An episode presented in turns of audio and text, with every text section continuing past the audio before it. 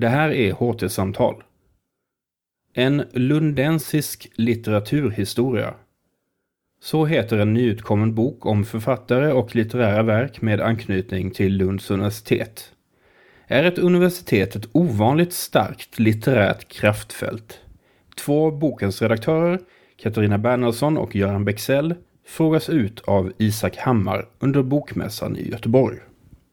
Då så eh, har vi kommit till eh, nästa programpunkt här i Lunds universitets monter. En eh, mycket speciell sådan får man väl ändå säga. Det är med viss stolthet vi alla står här uppe och eh, ska prata om den eh, rikande färska boken En lundensisk litteraturhistoria. Lunds universitet som litterärt kraftfält.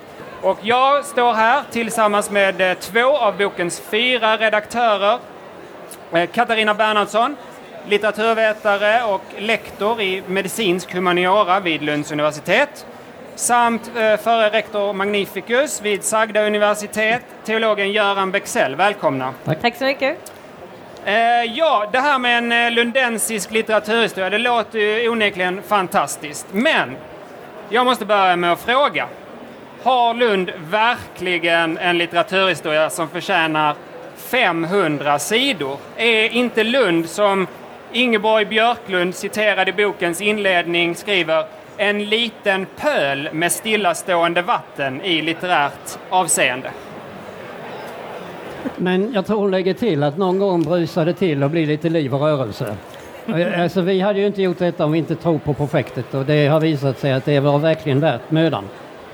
Ja, när vi började så tänkte vi inte heller nu ska vi göra ett 500-sidigt praktverk, utan vi började med idén mm. och sen så har den vuxit och vuxit och tagit olika vinklar och vrår som man inte hade kunnat ana. Mm. Eh, och jag tror att det är så att vi i, i svensk kultur så har vi nog en tendens att lite glömma bort universitetens betydelse. Eh, vi, vi, vi, har, vi, vi tänker på vi talar om elfenbenstorn och vi tänker på att den riktiga världen är utanför och så. Men det är inte sant. Universitetet har oerhört mycket eh, del i människors eh, hur människor liksom växer upp, lär sig saker, mm. kommer ut i världen och så. Och det är det som vi upptäckte då mer och mer mm. när vi jobbade med boken. Mm. Eh, och poängen för oss är inte heller bara att universitetet påverkar utan också att universitetet påverkas. Mm. Att det är den här eh, flerdimensionella saker. Jag tycker det eh, anknyter till det. Det har varit väldigt roligt att kunna visa det som jag länge har velat jobba för, nämligen att universitetet, den akademiska miljön, är så rik på människor och möjligheter. Ett stort universitet som Lunds har alla dessa konst, litteratur, musik utöver själva grundfunktionerna. Men det, det föder fram en miljö som är oerhört kreativ och många människor som är intresserade med mer eller mindre positiv inställning till själva universitetet.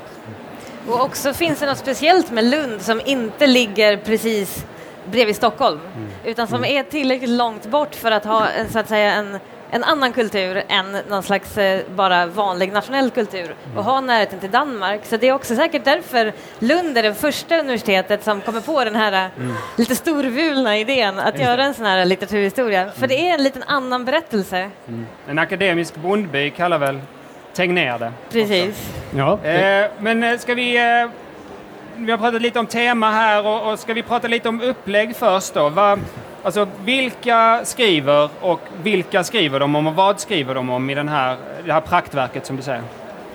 Ja, eh, vilka som skriver? Vi har ju fantastiskt många skribenter. Vi har ju 121 skribenter som har bidragit till det här verket. Eh, och det är ju en viss övervikt av litteraturvetare som är eller har varit knutna till Lunds universitet. Mm. Men vi har också jobbat väldigt mycket på att försöka hitta alumner. Det finns jättemånga människor som är aktiva här, som ni ser i montrarna på andra ställen, som har ett ursprung någon gång i Lund. Mm. Och många av dem är med här också. Mm. Eh, författare, kulturjournalister och så. Så vi har försökt att hitta en blandning av typer av mm. skribenter. Och sen, ja, upplägget är ju annars så att eh, det, det är också utgivet med nu eftersom vi firar 350-årsjubileum som vi kan se på våra fina emblem. Och eh, då var ju tanken att vi börjar eh, när universitetet börjar och går ända fram till idag. Mm. Så att upplägget är då att vi försöker identifiera författare under hela denna enorma tidsperiod. Eh, och så skriver vi artiklar om dem, kortare eller längre. Men sen har vi också temaartiklar som bryter av det här som alltså till exempel eh, studentromaner, kuvers som är typiskt för Lund, spex, akademiska tal och så vidare som bryter av det enskilda. Och den här kompositionen plus alla vackra bilder gör boken. Jag slogs av när man bläddrar i den här fina boken och så, så, så tänkte jag innan så här, ja, vilka lundensiska författare kan jag liksom nämna på rak arm? Och sen när man, men när man bläddrar så är det ju Alltså idel kändisar, vad har egentligen krävts för att man ska få räknas som lundensisk författare? Det här har varit ett jättearbete för oss.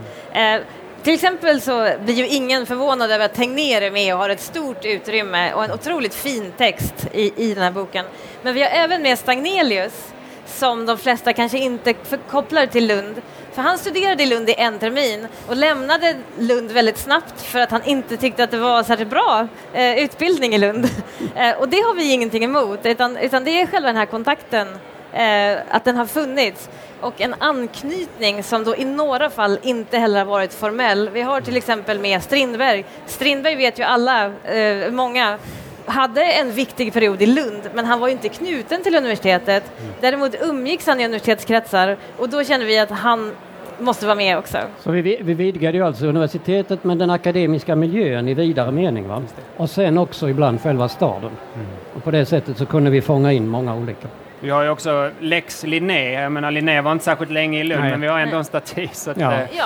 ja. Birgitta Trotzig bodde i Lund. Hade ingen så mycket direkt koppling till själva universitetet men är ändå oundviklig i en bok som denna.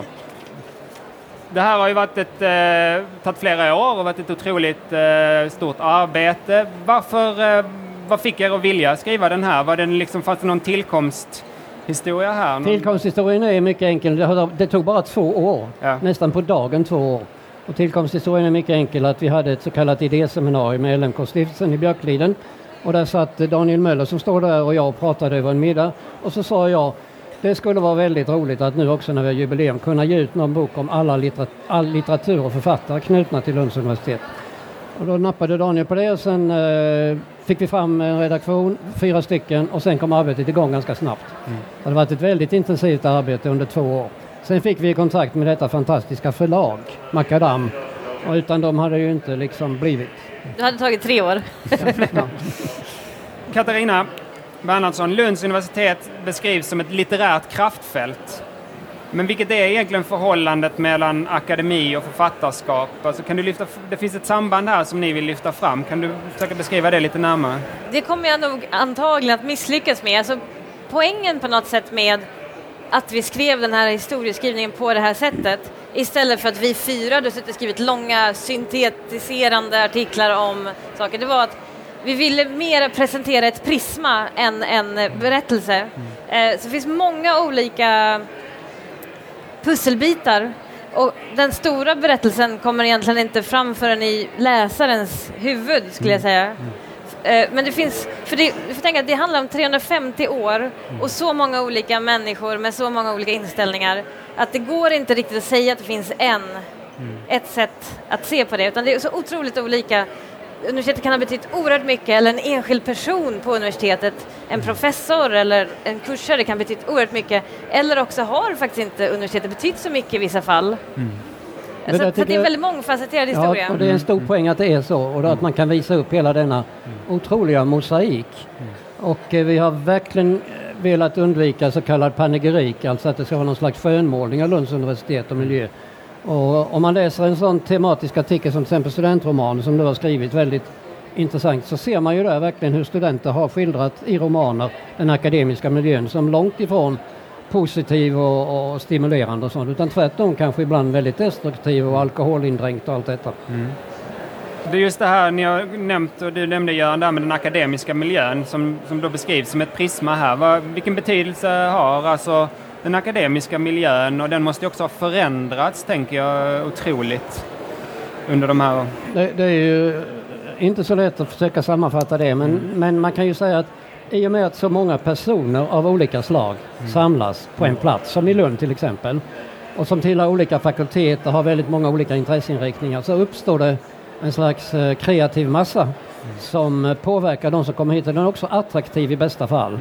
Mm. Så att man kommer, en, en ung människa som kommer dit har kanske i bästa fall en viss uppfattning om hela vår rika tradition och då kommer man in i den och så ska man försöka nyskapa den också.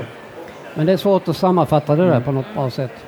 Finns det någon eh, speciell lundensisk litteratur? Alltså finns det, av, av, finns det ett visst typ av lundensisk text eller litteratur? Är det... Man kan definitivt se, se vissa tendenser som man ofta kan förknippa med Lund eller tänka har någonting med miljön att göra. Och då så brukar man ju ta fram det ironiska till exempel, att det finns en viss typ av ironi eller dubbelironi som, som på något sätt eh, är väldigt stark i Lund. Men den är ju inte alls så att den är allt, allt, att den allt genomsyrande eller så, men, men eh, ett författarskap som Fakiren, Falstaff Fakir, Axel Wallengren, har ju betytt mycket för någon slags lundensisk tradition. Men det är som en strimma eller ett prisma i den här mång, mångdimensionella bilden. Både akademi och litteratur är ju historiskt sett väldigt manligt eh, dominerade domäner så att säga. Hur, hur står sig eh, Lunds historia här? Hur är det med kvinnorna, de kvinnliga författarna och akademikerna? Alltså det som är slående tycker jag är en iakttagelse, nämligen att när man börjar då på 1600-talet så är det ju nästan uteslutande män och ofta ämbetsmän som skriver. Och successivt, och när vi kommer fram till slutet, så är det en dominans av kvinnor. Och det kan man se väldigt tydligt att utvecklingen i universitetet är likadan. Så det avspeglar den utvecklingen. Och när vi kommer nu mot slutet av boken, till exempel Författarskolan, många nya kvinnliga debutanter, så är det en oerhörd representation, stark representation av kvinnor. Och jag tror att många av dem är ganska okända för, Lunda, för publiken. Kanske. Ja, Lunda-publiken i alla fall. Ja, det är liksom hela författarrollen ändras ju, alltså vad man har för typ av eh, övrigt liv till författare, till att vara författare, som, som Göran sa med att det var- är ämbetsmän som skriver eh, poesi på latin. Alltså det är ju det är en helt annan värld. Och det är det som är så spännande att liksom kunna fånga den här långa historien i de här olika små berättelserna genom att ha ett fokus som, som, gör, som förenar dem, nämligen universitetet. Det här är ju eh, uppenbart intressant för lundensare och folk vid Lunds akademi och Lunds universitet och sådär. Men vilken, vilken nationell betydelse har en lundensisk litteraturhistoria? Det har en väldigt stor nationell betydelse ska vi säga. Om man bara upptäcker eh, kvaliteten och spridningen på det här. Och, och, eh, bortsett från lundensiska nostalgiska tankar så har ju väldigt många av dessa författare haft en, en stor nationell påverkan och är betydelsefulla i Sveriges litteraturhistoria. Vi kan ju nämna en hel lång rad. Oh ja, oh ja. Så i den meningen är det verkligen någonting som går utöver det trångt lundensiska. Och sen så finns det ju en skärm i det väldigt trångt lundensiska eller trångt lokala som eh, bortglömda författare som skrev lite halvdan poesi men som var väldigt spännande personer. Alltså det finns ju ett värde i att lyfta fram dem också tycker jag. Men jag skulle säga att jag är inte säker på att Sverige är redo att erkänna att det har en betydelse. Jag är inte säker på att de svenska kultursidorna kommer att förstå hur, hur relevant det här är. Men det är det egentligen och jag hoppas att jag har fel så att de kommer att förstå det. Ja.